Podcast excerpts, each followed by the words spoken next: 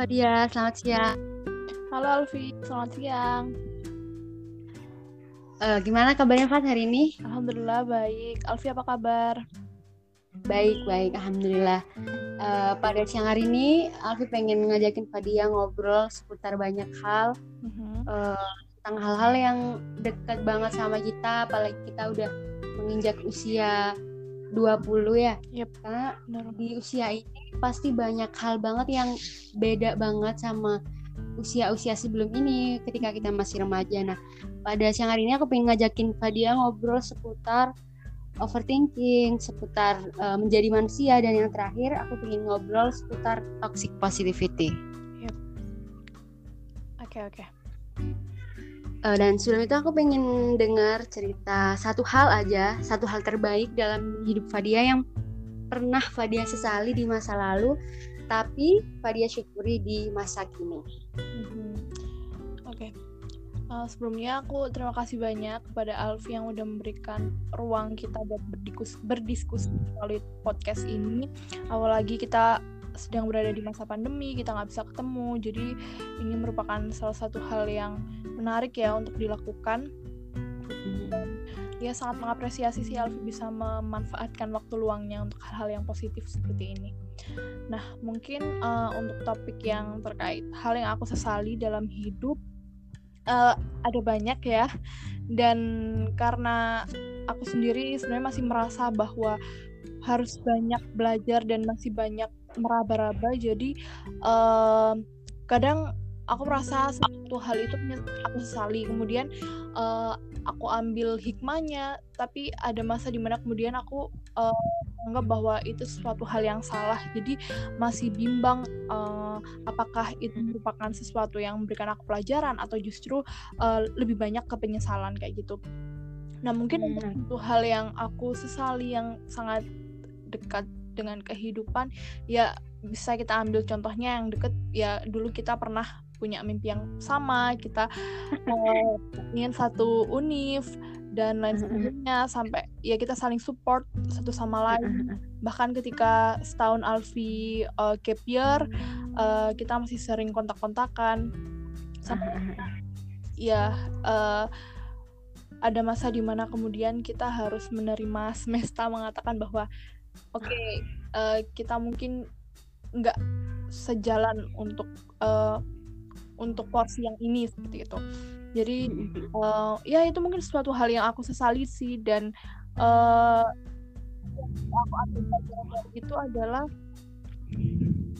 menemukan uh, seseorang yang sangat-sangat hebat menurutku uh, di mana dia aku benar-benar tahu bagaimana Alfi bisa survive di masa itu benar-benar bahkan sebelum dan sesudah kita uh, menemukan tujuan kita masing-masing uh, kita merasakan bahwa ternyata dunia itu nggak seindah ketika kita uh, ya, bener, bener. kan uh, kan kita nggak ketika kita SMA kita hanya oke okay, aku pengen ke sini ke univ ini oke okay, aku pengen ke univ ini yeah. tapi ketika saat itu kita hanya melihat dia sebagai sebuah impian, sesuatu yang harus dikejar dan sesuatu yang indah dan ternyata prosesnya cukup sangat terjal. Apalagi ketika uh, aku berada di dunia yang saat ini bertemu dengan orang baru, teman-teman baru, itu iya, iya. dan aku merasakan bahwa ternyata memang tidak ada Alfi yang lain, ya Alfi hanya satu dan itu sesuatu hal yang sebenarnya itu memberikan banyak pelajaran ke aku pribadi seperti itu.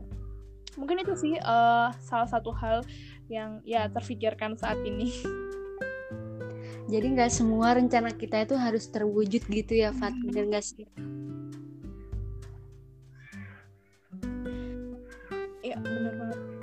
Apalagi aku tahu bahwa Alfi sekarang uh, sudah menemukan dunianya sendiri dan sangat bersyukur sih.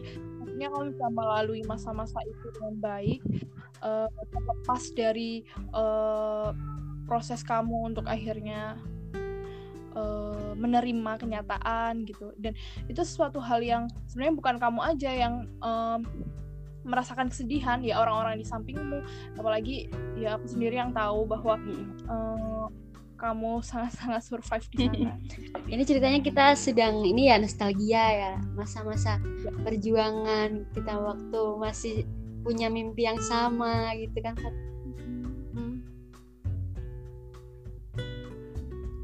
Dan emang menurutku masa lalu itu emang sesuatu hal yang bisa membawa kita ke tempat di mana nggak akan ada lagi. Jadi kayak itu satu-satunya. Jadi seru sih apa ya membicarakan tentang masa lalu karena dia tidak akan terulang lagi. Jadi uh, kita merasakan emosi yang berbeda ketika kita uh, merasakannya saat ini. Ya benar ya.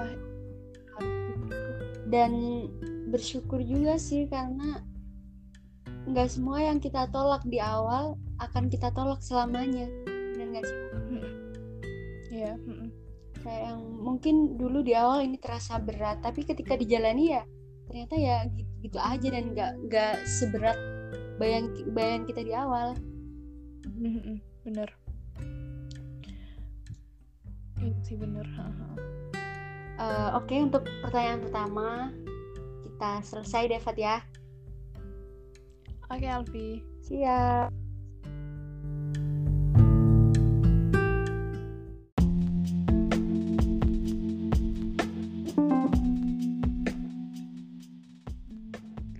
Halo Fadia. Halo Vi. Oke, sekarang kita masuk ke pertanyaan yang kedua. Uh, aku pengen nanya-nanya ke Fadia soal overthinking. Sebelumnya apa sih menurut Fadia overthinking itu apa sih? Hmm, overthinking itu kalau aku menganalogikan overthinking itu seperti laut mungkin ya. Karena kita itu nggak pernah benar-benar tahu dasarnya uh, jadi kayak kita semakin masuk ke dalam laut semakin kita tenggelam karena ya apalagi kalau misalnya di dunia ya dalam kehidupan lah ya kita uh, selalu meng, apa ya memberikan dua nilai antara positif dan negatif dan ketika kita overthinking itu juga menurutku uh, bisa jadi itu overthinking yang positif bisa jadi itu negatif. Dan atau positif itu ya pribadi kita masing-masing. Makanya kenapa uh, aku menganggap bahwa overthinking itu laut? Karena dia nggak benar-benar uh, kita tahu kedalamannya kita nggak pernah benar-benar tahu dasarnya itu seperti apa. Menurutku itu sih uh, terkait overthinking sendiri. Tapi kalau uh, Fadia pernah nggak sih kayak mengalami ya pasti pernah dan dan di apa ya overthinking pasti menyangkut hal-hal tertentu. Nah kira-kira kalau Fadia pribadi biasanya overthinkingnya itu di di apa di lebih ke mana gitu? Oke, okay. uh, overthinking yang sering aku rasakan itu ketika mengambil keputusan. Jadi uh, ketika aku mungkin ikut organisasi atau mungkin event kayak gitu, nah kita dikasih sebuah amanah job desk gitu. Nah mm -hmm. di situ uh, aku dituntut untuk akhirnya bisa mengambil keputusan dan uh, mengkoordinir sebuah hal yang itu di luar uh, diriku. Dan itu yang terkadang membuat aku overthinking adalah ketika aku memutuskan satu hal oke okay, aku akan membawa hal ini ke arah kanan kayak gitu. Nah pasti akan uh, berpikir lagi bener nggak ya salah nggak ya? Uh, gimana nanti kalau misalnya salah? Gimana nanti kalau ini? Bla bla bla dan seterusnya. Nggak hmm. merupakan sesuatu hal yang menurutku menakutkan ya dan melelahkan. Iya iya benar benar benar karena kita kayak gimana ya? Mau nggak mikir tapi kepikiran gitu nggak sifat? Nah benar jadi ya itu sesuatu hal yang emang harus di ini sih harus bisa dikontrol. Iya iya benar-benar dan ya untuk mengontrolnya pun juga butuh apa ya uh, latihan atau mungkin pengalaman jadi emang ya menurutku di masa kita yang ya 20 tahun kita uh, menurutku ini transisi kita dari yang kemarin remaja menjadi kemudian dewasa meskipun sebenarnya dewasa bukan uh, dalam artian nggak semua dewasa itu harus diukur dari umur ya cuman ya, bener. cuman kita secara nggak langsung dunia mm, turut memaksa kita untuk ya sekarang udah 20 tahun. Apa mm-hmm. gitu. Ya jadi itu sih uh, overthinking yang sering aku alami ketika harus mengambil keputusan gitu. Jadi kita mau nggak mau suka nggak suka harus berusaha adaptif ya sama lingkungan kita sama keadaan kita sekarang. Atau mungkin apa ya pemikiran-pemikiran semacam aku besok mau ngapain ya masa depanku bakalan seperti apa ya terus aku bakal sukses atau enggak ya itu kan uh, pemikiran-pemikiran yang timbul secara tiba-tiba dan kita sulit buat mengontrol. Iya. Ya, apalagi kita kan apa ya, kadang itu manusia itu alamiah lah ya. Kita selalu ingin jawaban. Dan nah, kan benar. kecil, uh, sejak kecil itu kita udah kayak dikotakkan, oh iya kalau misalnya kamu baik berarti kamu nggak jahat kalau kamu nggak jahat eh kalau kamu jahat berarti kamu nggak baik kayak kita iya. udah di, diarahkan pada satu nilai-nilai yang mana uh, ketika kita masuk ke dunia nyata nilai-nilai itu belum tentu benar belum tentu yeah, bisa kita iya, pegang se seutuhnya karena yeah. ya, itu lagi kembali ke overthinking uh, itu merupakan sesuatu hal yang sangat abstrak menurutku dan nggak semua orang uh, bisa mengendalikan itu atau mungkin nggak semua orang mungkin uh, bisa menyikapi itu dengan ya anggaplah baik atau sesuatu yang bijak kayak gitu sih. Bener-bener. Karena dari awal dari kecil kita udah dibiasakan kalau dunia ini hitam putih kalau nggak bener ya salah. Padahal dunia itu dinamis ya kan Fat? Dunia itu nggak bisa dilihat dari satu kacamata aja bener ya uh, bener banget bener banget sih. Ya dan itu emang dan udah ini sudah apa ya secara langsung jadinya sudah melekat ya pada uh, kita. Jadi kadang kita mau ngambil sikap gitu kayak baik nggak ya bener nggak ya kita selalu mempertanyakan sampai kadang tuh kita uh, terlalu banyak meminta jawaban atau terlalu banyak mencari-cari akhirnya kita lupa gitu loh pada esensi sebenarnya tujuanmu mau ngapain sih kayak gitu. Jadi bener-bener. Kita suka ini ya apa memikirkan sesuatu yang bisa jadi itu udah ada jawaban tapi kita mau terus menggali jawaban itu sampai memuaskan diri kita sendiri. Kalau uh, menyinggung perkataan dari Fadia sebelumnya ya kayak dasar laut kita nggak pernah tahu seberapa dalam laut laut itu bener kan? Iya.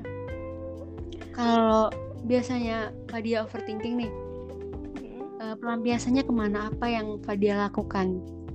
Hmm, mungkin uh, lebih ini sih me time. Mm-hmm. jadi ada dua hal yang menurutku bisa meredakan pikiran kita. Apalagi pikiran kita itu sangat-sangat liar ya. Jadi ya, benar. Kita butuh sesuatu hal yang bisa menjadi rem buat pikiran kita sendiri jadi kadang uh, aku memutuskan untuk melakukan uh, komunikasi dengan diri sendiri atau justru melakukan komunikasi dengan orang yang aku percaya.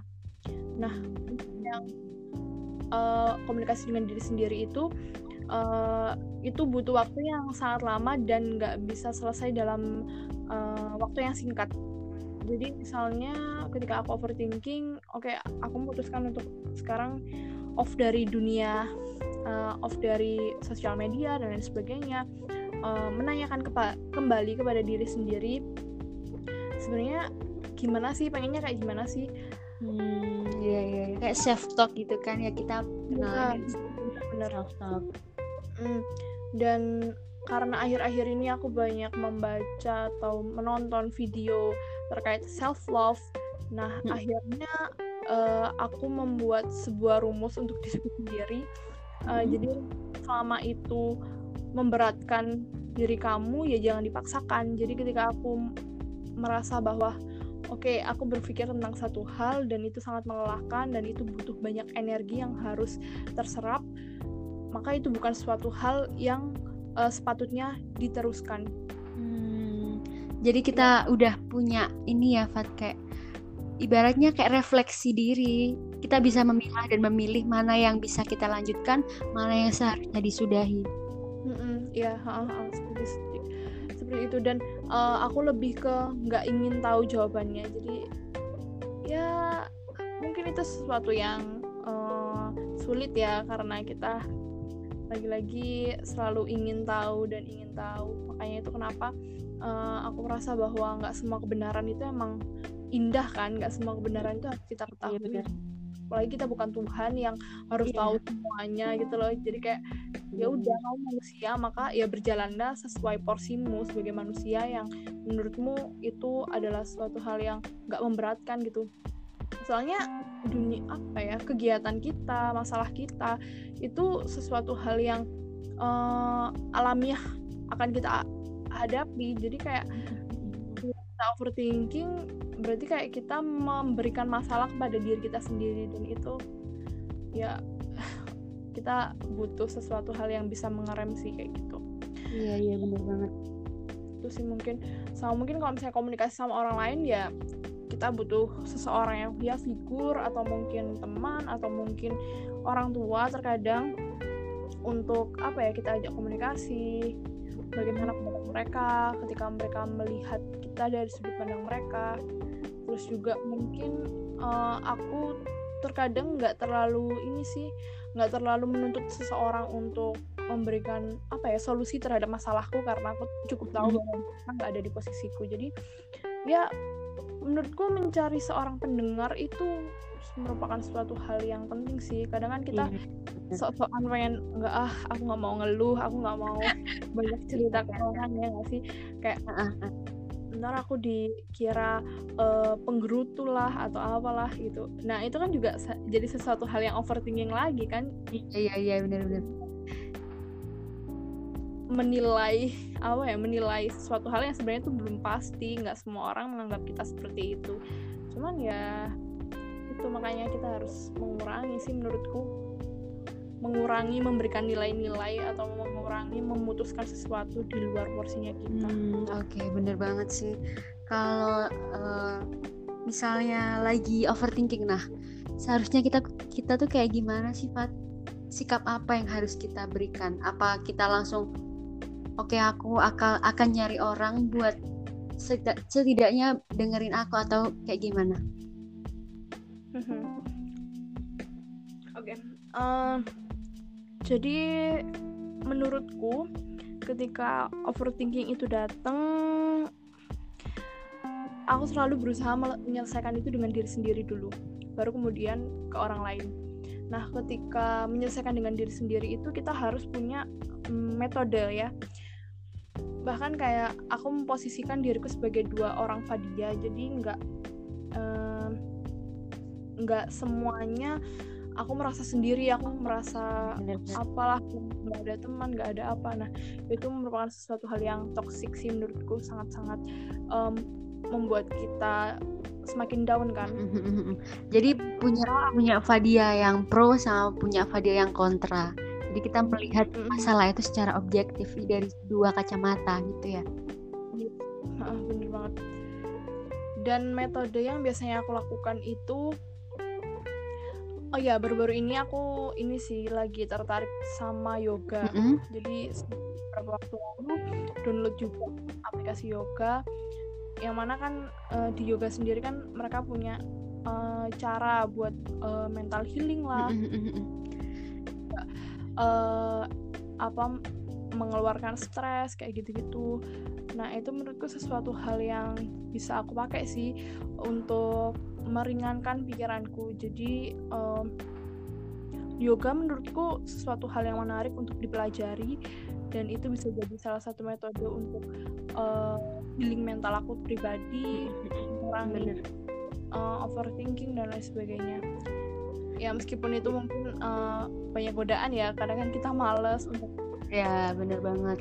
Jadi kita perlu ini ya, Fat, melampiaskan ke sesuatu hal yang positif biar overthinkingnya kita itu berbuah gitu kan, menghasilkan sesuatu.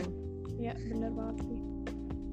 Oke, kita lanjut ke uh, pertanyaan berikutnya dan untuk kali ini aku sudahi dulu ya, Fat. Dah. Bye-bye.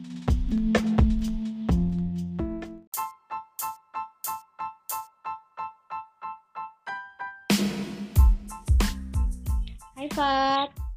Nah, lanjut lagi nih kita. Masuk ke pertanyaan berikutnya tentang manusia. Kita kan sebagai manusia pasti udah ngelewati banyak hal. Sejak kita lahir sampai sekarang sampai detik ini pasti udah banyak banget pengalaman-pengalaman kita. Udah banyak banget hal-hal yang kita lalui. Entah itu menyenangkan atau tidak menyenangkan. Aku ingin tanya sih sama Fadia kira-kira definisi menjadi manusia menurut perspektif Fadia itu seperti apa? Oke, manusia. Nah ini kebetulan juga uh, sesuatu yang sedang aku pelajari juga ya. Mm-hmm. Um, jadi memang di antropologi sendiri kan uh, sebelum kemudian aku masuk ke ranah budayanya aku juga belajar uh, seperti apa sih dan sejauh ini aku akhirnya menetapkan bahwa definisi manusia dalam kamusku sendiri adalah belajar. Jadi nggak apa ya nggak semua orang itu harus sama kan definisi definisinya sama aku. Jadi uh, orang punya definisi masing-masing dan menurut aku pribadi manusia itu berarti belajar karena itu yang membedakan kita dengan hewan membedakan kita dengan tanaman membedakan kita dengan makhluk hidup yang lain seperti itu jadi apa sih yang seharusnya manusia lakukan untuk dia bisa menemukan definisi manusia menurut dirinya sendiri? Kan kita perlu tuh Fat mendefinisikan. Jadi aku ini siapa sih? Kalau aku ini Alfi Alfi itu siapa sih? Apa sih yang Alfi suka? Jadi kan itu merupakan salah satu bentuk pengenalan kita merupakan salah satu bentuk definisi kita untuk uh, hmm. menentukan kira-kira manusia yang baik menurut perspektif Alfi seperti ini. Jadi kayak gimana? Apa sih yang harus kita lakukan? Ya. Yang harus kita lakukan ini menurut versiku ya uh, aku menemukan definisi manusia itu adalah belajar setelah aku uh, mengetahui kegagalan kegagalan orang lain dan aku mengetahui keberhasilan keberhasilan mereka. Jadi aku pernah membaca sebuah kutipan bahwa uh, kita harus belajar dari uh, kegagalan orang lain karena kita nggak cukup umur untuk mengalami kegagalan itu sendiri kayak gitu kan. Dan ya semenjak tulisan itu akhirnya aku lebih banyak mengamati uh, ketika orang gagal, ketika mereka sedih, ketika mereka senang, apa sih yang membuat mereka seperti itu? Nah, dari proses itulah yang kemudian uh, aku memahami, oh ya, berarti aku memang harus belajar untuk akhirnya tahu mereka itu adalah mereka dan aku adalah aku. Dan setiap orang kan punya uh, manajemen selfie-nya sendiri kan, jadi ya, kayak misalnya Alfi sendiri ketika Alfi mungkin uh, diberikan jalan lain yang mana itu tidak sesuai dengan apa yang Alfi harapkan. Nah, Alfi kan punya uh, langkah-langkah oke, okay, apa aku harus memposisikan diriku seperti apa? Apakah aku harus apakah aku harus terpuruk terus-terusan atau mungkin aku harus bangkit atau aku harus menerima. Nah, itu kan sesuatu hal yang kemudian bisa aku pelajari juga. Sesuatu hal yang uh, memberikan pengetahuan baru. Oh oke okay, kalau Alfi itu ketika dia gagal dia akan seperti ini. Ketika ya, A gagal dia akan seperti ini. Dan itu merupakan sesuatu hal yang uh, harus terus ini sih apa ya uh, berlangsung karena kita nggak pernah tahu kan uh, kapan kita mati mungkin atau kapan kita uh, nggak lagi berada di dunia ini. Jadi ya itu sih menurutku. Jadi kok kalau kita mau tahu definisi kita sebagai manusia ya kita juga harus tahu definisi orang lain uh, terhadap kita atau orang lain terhadap terhadap dirinya sendiri dan itu bisa menjadikan kita ya apa ya melihat perspektif orang itu sangat penting sih menurutku dan apa pun yang kita lakukan sebagai manusia akan ter, akan terlihat baik di mata kita sendiri benar nggak sih Pak? Jadi mm -hmm. apa pun yang kita lakukan baik menurut kita itu belum tentu menurut orang lain. Jadi benar mm -hmm. sih kata dia kita mesti mengenali juga orang-orang di sekitar kita itu seperti apa dan benar kita nggak punya cukup waktu untuk menyelami satu persatu kegagalan. Jadi kita belajar dari orang lain. Bagus yeah. banget. Dan uh, aku pengen tahu lima hal baik yang saat ini dan akan seterusnya Fadia persiapkan buat menemukan Fadia seutuhnya, menemukan kehidupan Fadia, kehidupan ideal menurut Fadia. Hmm. apa sih lima hal ini? Lima hal yang mungkin uh, aku bisa sebut lima hal ini. Yang pertama mungkin ibadah. Ibadah udah masuk ya kepercayaan, agama, sesuatu hal yang ya aku pernah membaca di salah satu buku bahwa uh, kenapa sih manusia itu memutuskan adanya Tuhan? Kenapa sih manusia itu menciptakan yang namanya kepercayaan, keyakinan? Mm-hmm. Nah, itu karena manusia uh, sadar bahwa dirinya itu tidak cukup capable untuk melakukan semuanya. Benar-benar. Uh, ya kita nggak pernah bisa tahu apa sih yang akan datang di masa depan. Makanya itu kenapa kita berdoa agar masa depan sesuai dengan apa yang kita inginkan. Nah itu kenapa? Makanya uh, agama ibadah itu jadi salah satu hal yang uh, bisa menjadikan aku untuk kemudian menemukan definisi manusia di taraf uh, aku bertemu dengan Tuhan. Ya mungkin dan uh, aku pernah berada di masa di mana aku nggak percaya adanya Tuhan dan itu jadi sesuatu hal yang menurutku cukup ini sih cukup apa ya berarti lah. Apalagi jadi balik uh, gitu ya Fat uh, titik balik. Jadi turning pointnya di situ. Cuman ya aku nggak menjamin bahwa aku sekarang adalah orang yang apa ya uh, religius gitu mungkin. Mm, jadi uh, itu masih salah mungkin aja itu salah satu keraguanku yang pertama. Kita belum mm. tentu tahu ya di masa depan mungkin iya, uh, iya, bener balikan hati untuk kemudian kita diarahkan uh, untuk ragu atau apalah seperti itu. Nah itu salah satu hal ibadah kemudian yang keluar yang kedua adalah keluarga. Nah keluarga ini merupakan sesuatu yang hal penting karena kita kan makhluk sosial kita butuh orang lain dan keluarga menurutku adalah komunitas terkecil sebelum kemudian kita terjun ke masyarakat. Jadi keluarga menjadi uh, satu hal penting yang memberikan aku bekal kamu harus seperti ini ketika ketemu orang kamu harus seperti itu ketika ketemu orang. Uh, di keluarga aku diajarkan nilai-nilai uh, mereka nilai-nilai orang tuaku terutama yang mana mereka sudah hidup lebih lama daripada aku. Ya itu menjadi suatu hal yang kemudian uh, ya prinsip sih bisa jadi uh, satu hal yang ketika ayahku mengatakan bahwa uh, kamu adalah seseorang yang harus bermanfaat nantinya dan itu akhirnya uh, menjadi hal yang terus aku simpan. Oke okay, bermanfaat seperti apa sih? Dan itu yang harus aku cari jawabannya gitu. Iya benar banget.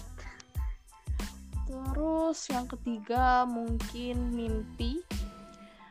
Karena ya kita kan hanya punya masa kini dan masa depan ya untuk kita rubah makanya itu kenapa mimpi menurutku adalah sesuatu hal yang membuat kita untuk akhirnya terus ingin hidup terus mm-hmm. merasakan uh, mencapai sebuah tujuan jadi mimpi menurutku adalah motivasiku sih motivasi untuk kemudian kenapa sih kamu harus melakukan ini Fat kenapa sih kamu harus uh, mengambil keputusan ini Fat? Jadi ya mimpi merupakan hal yang sangat krusial sih menurutku. Jadi kita merawat mimpi untuk menghidupkan diri kita sendiri dan masa depan yang akan kita bangun ke depan. Ya benar banget. Mimpi ya mimpi bagian dari harapan ya Fat. Jadi kita uh, mimpi ini adalah bahan bakar kita buat untuk terus maju melawan mm-hmm. apa pun yang ada di depan kita mm-hmm. ya, banget berikutnya yang keempat pendidikan sih hmm. ya karena kita tadi yang aku bilang ya manusia adalah belajar dan pada kita belajar itu ya di pendidikan menurutku karena dan pendidikan ini bisa luas ya maksudnya nggak harus uh, dalam satu apa institusi atau uh, derajat atau strata jadi pendidikan ini bisa kita temui jadi kita ketika kita mungkin ketemu uh, mulung atau pengemis atau mungkin orang-orang yang uh, kurang beruntung uh, daripada kita nah itu bisa jadi suatu hal yang mendidik kita untuk akhirnya oh iya kamu tuh sudah diberikan hal yang cukup banyak. Jadi ya mengajarkan kita untuk bersyukur. Banyak hal lah sebenarnya uh, yang bisa kita uh, dapatkan dari pendidikan. Jadi itu menurutku suatu hal yang penting sih. Ya jadi salah satu hal untuk akhirnya aku menemukan definisi manusia. Jadi bener banget sih kata Fadia. Kita ingat juga kalimat dari Ki Hajar Dewantoro. Beliau pernah bilang setiap rumah adalah sekolah, setiap orang adalah guru dan setiap setiap jam adalah jam belajar. Jadi kita belajar dari hmm. apa pun, dari siapa pun, di mana pun dan kapan pun. Bener banget. Iya. Ya. Dan mungkin yang kelima itu kematian. Hmm. Terus Ya kita hidup untuk mati. beberapa orang yang merasa bahwa kematian itu adalah momok. Jadi jangan mati dulu kalau kita belum nikah. Jangan mati dulu kalau kita belum sukses. Kira-kira kenapa sih dia harus mikir sejauh itu? Padahal beberapa orang mulai uh, mikir kalau ya udah mati itu urusan nanti. Nah nantinya itu yang kita nggak menjamin. Yes, nanti bisa satu jam kemudian kan uh -huh. atau lima menit kemudian. Ya jadi menurutku ini sih lucu sih ketika kita lihat apa ya eh, orang-orang uh, yang ngomong bahwa kalau kita belum nikah kalau misalnya kita belum punya rumah punya mobil kita belum sukses. Kalau misalnya kita masih belum uh, membahagiakan orang lain berarti kita belum saatnya untuk mati. Nah, mohon maaf, Anda manusia apa Tuhan yang bisa menentukan kematian itu kapan gitu kan? Iya, Maksudnya ya kita hidup untuk mati kayak ya nggak nggak semua orang juga uh, betah gitu loh hidup terus-terusan. I mean kayak mungkin kalau misalnya kita tahu atau kita nonton lah anggaplah kita nonton sebuah film. Aku pernah sih nonton sebuah film cuman aku lupa judulnya. Mm. yang mana uh, dia itu merasakan bosan akan hidup. Dia diberikan umur yang sangat panjang. Sampai-sampai dia ya dia mengalami banyak masalah. Kemudian mengalami banyak kebahagiaan dan lain sebagainya. Sampai akhirnya dia uh, berada di posisi oke okay, udah apa lagi yang harus dikejar iya, apalagi yang harus dilakukan. Karena semua udah dilakukan kan? Iya, iya, jadi kayak eh dia bukan mati secara ini mati jiwa dan raga tapi dia mati bosan yang ada kan? Ya menurutku kematian jadi salah satu hal kenapa kita kemudian harus hidup kan? Harus apa tujuan kita. Makanya kenapa ketika orang bilang ehm, kita harus nikah kita harus bla bla bla dan lain sebagainya. Menurutku itu eh, kata-kata yang tidak bertanggung jawab sih. Karena ya kembali lagi nikah sukses umur dan lain sebagainya itu bukan porsi untuk kita menentukan. Jadi ya setiap orang punya ya, bener -bener. punya yang harus dia beberapa orang menganggap bahwa kematian itu adalah solusi ya kan dari segala masalah yang ada. Makanya kenapa muncul beberapa orang yang memutuskan untuk mengakhiri hidupnya dengan mungkin gantung diri hmm. atau mungkin uh, membunuh dirinya sendiri dengan cara apa pun. Hmm, iya iya. Ya aku juga sepakat sih sama ini. Apalagi sekarang kan kita uh, di masa pandemi ini banyak banget kan yang uh, terkena mental illness dan lain sebagainya yang mana mereka merasa bahwa hidup itu udah sengsara pokoknya udah uh, udah nggak dia tuh udah nggak punya harapan dalam hidup. Nah itu suatu hal yang aku sayangkan sih. Karena ya mungkin aku nggak cukup berhak untuk ngomong bahwa mereka salah atau mereka uh, apa ya? Ya pokoknya aku nggak punya uh, jawaban mutlak atas kondisi mereka. Jadi menurutku itu sesuatu hal yang wajar dan itu merupakan ya dinamika hidup ya seperti itu. Kita merasakan bahwa kadang kita diberi hidup ya kadang kita juga merasakan bahwa itu bukan suatu hal yang ingin kita lakukan kan? Iya bener-bener. Sering banget kayak misalnya pas lagi banyak masalah itu mikir aku tuh nggak pernah minta dilahirkan. Aku tuh nggak pernah minta terlahir dengan keluarga yang seperti ini dengan keadaan yang seperti ini gitu kan Fat. Nah dari pemikiran semacam itu itu yang bikin orang-orang yang merasa dia adalah overthinker dia akan merasa bahwa hmm. ya solusi dari segala keributan dari segala keri keracuhan dalam diri kita sendiri itu adalah kematian itu adalah membunuh diri sendiri dan membunuh hidup itu sendiri. Iya bener-bener. Iya iya. Makanya uh, Kita butuh bersyukur itu ya mungkin. Aku sangat ini sih uh, Sangat mengapresiasi orang-orang yang emang Udah bisa mengatakan bahwa uh, Dia merasa merasakan banyak syukur atas hidup yang udah di, dia berikan. Karena emang ya tantangannya hidup itu uh, orang-orang nggak semuanya bisa mendapatkan syukur kan? Makanya uh, mungkin aku juga ini sih sempet juga kan nonton di YouTube itu kayak misalnya jurnal Risa atau mungkin Sarah Wijayanto. Mm. nah mereka ya mungkin ini agak creepy ya. Maksudnya mereka menyuguhkan sebuah konten yang mana bertemu dengan makhluk halus, uh-huh. bertemu dengan um, apa uh, hantu gentayangan atau lain sebagainya seperti itu. Nah di sana aku belajar satu hal bahwa ternyata ketika mereka apa ya manusia ketika bunuh diri itu mereka nggak sepenuhnya bisa uh, kembali atau mungkin kalau misalnya kita ya di agama kita pasti bunuh diri itu adalah sesuatu hal yang sudah otomatis masuk neraka iya, kan? Iya benar-benar nah makanya kenapa uh, kan manusia punya jin korin ya jin korin yang mana uh, dia yang akan tetap tinggal di dunia maksudnya ya yang kita anggap sebagai hantu gentayangan dan lain sebagainya.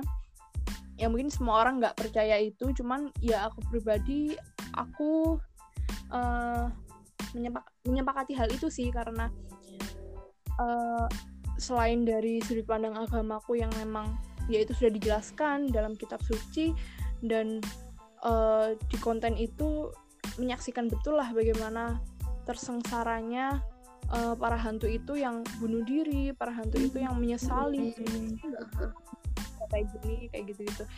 Nah itu jadi satu hal yang uh, mem memberikan pelajaran juga kan uh, buat kita kita yang masih hidup ini orang yang kalau misalnya kita berada di posisi kita percaya ya bahwa hantu itu ada maka kita akan oh ya berarti kita dikasih hidup. Nah tergantung kita sudah diberikan apa ya opsi contoh ini yang mensyukuri hidup dan ini yang nggak mensyukuri hidup kayak gitu. Nah kita bisa ya itu semua kembali kita mau ngambil yang mana mau yang jalan A atau jalan B. Ya, iya benar banget benar banget. Nah sih dari situ bisa disimpulkan bahwa apa pun yang kita lakukan, apa pun yang kita kerjakan, intinya kita harus bersyukur ya, Fat. Bener. Dan meskipun itu sulit sih. Iya sih, dan gimana ya? Untuk terus merasa bersyukur kita tuh harus berlatih dan berlatih itu setiap hari, setiap saat, setiap waktu.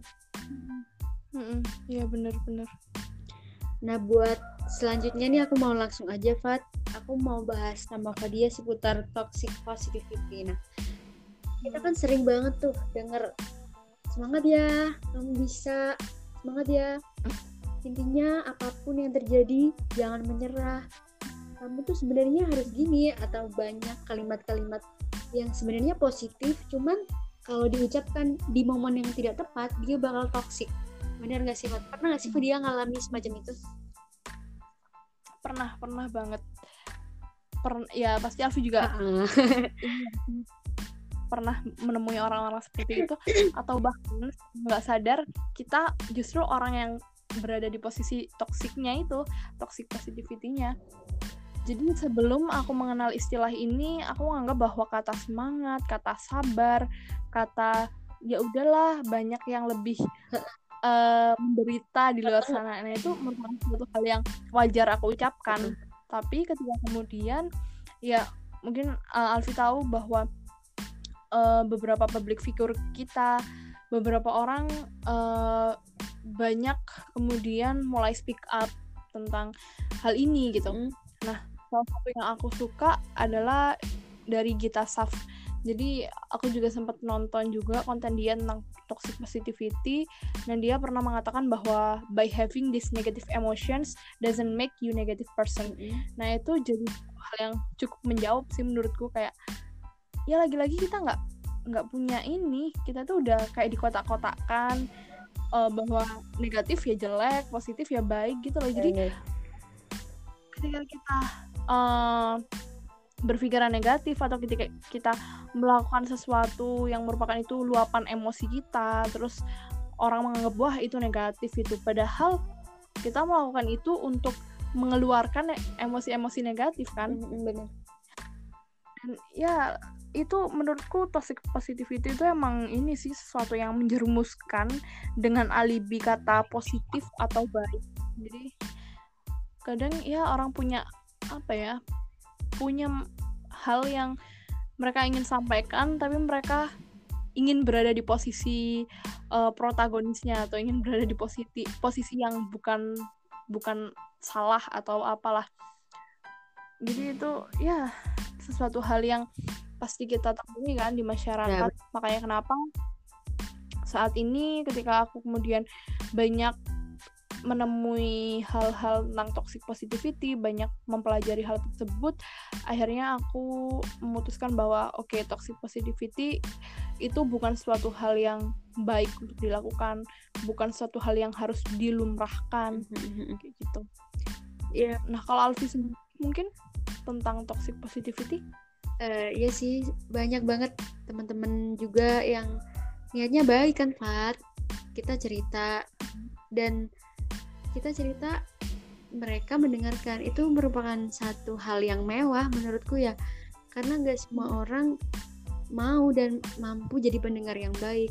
Menyinggung di awal Fadia udah pernah bilang intinya kita harus menemukan orang yang bisa buat istilahnya menampung apa sih yang kita keluhkan begitu kan. Dan uh, orang-orang toksik di sekitar kita ini sebenarnya nggak ini sih aku yakin mereka punya niat yang baik cuman timingnya aja hmm. mungkin ya. Jadi untuk mengucapkan sesuatu kita perlu tahu kondisi orang yang akan mendengarkan ini seperti apa. Kalau dia sedang mentalnya sedang down dia sedang benar-benar berada di titik nadir ya sebisa mungkin kita mendengarkan lebih dulu apa sih yang pengen dia utarakan.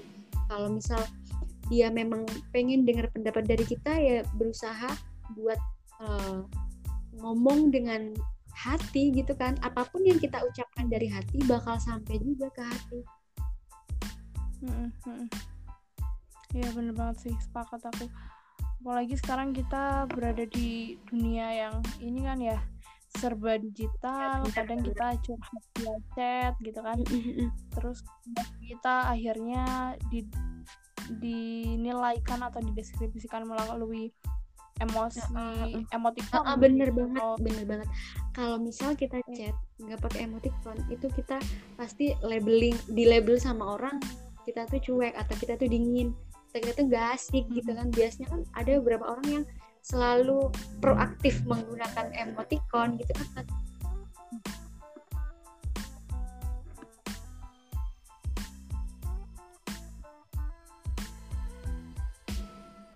Halo Fat Halo? Ya.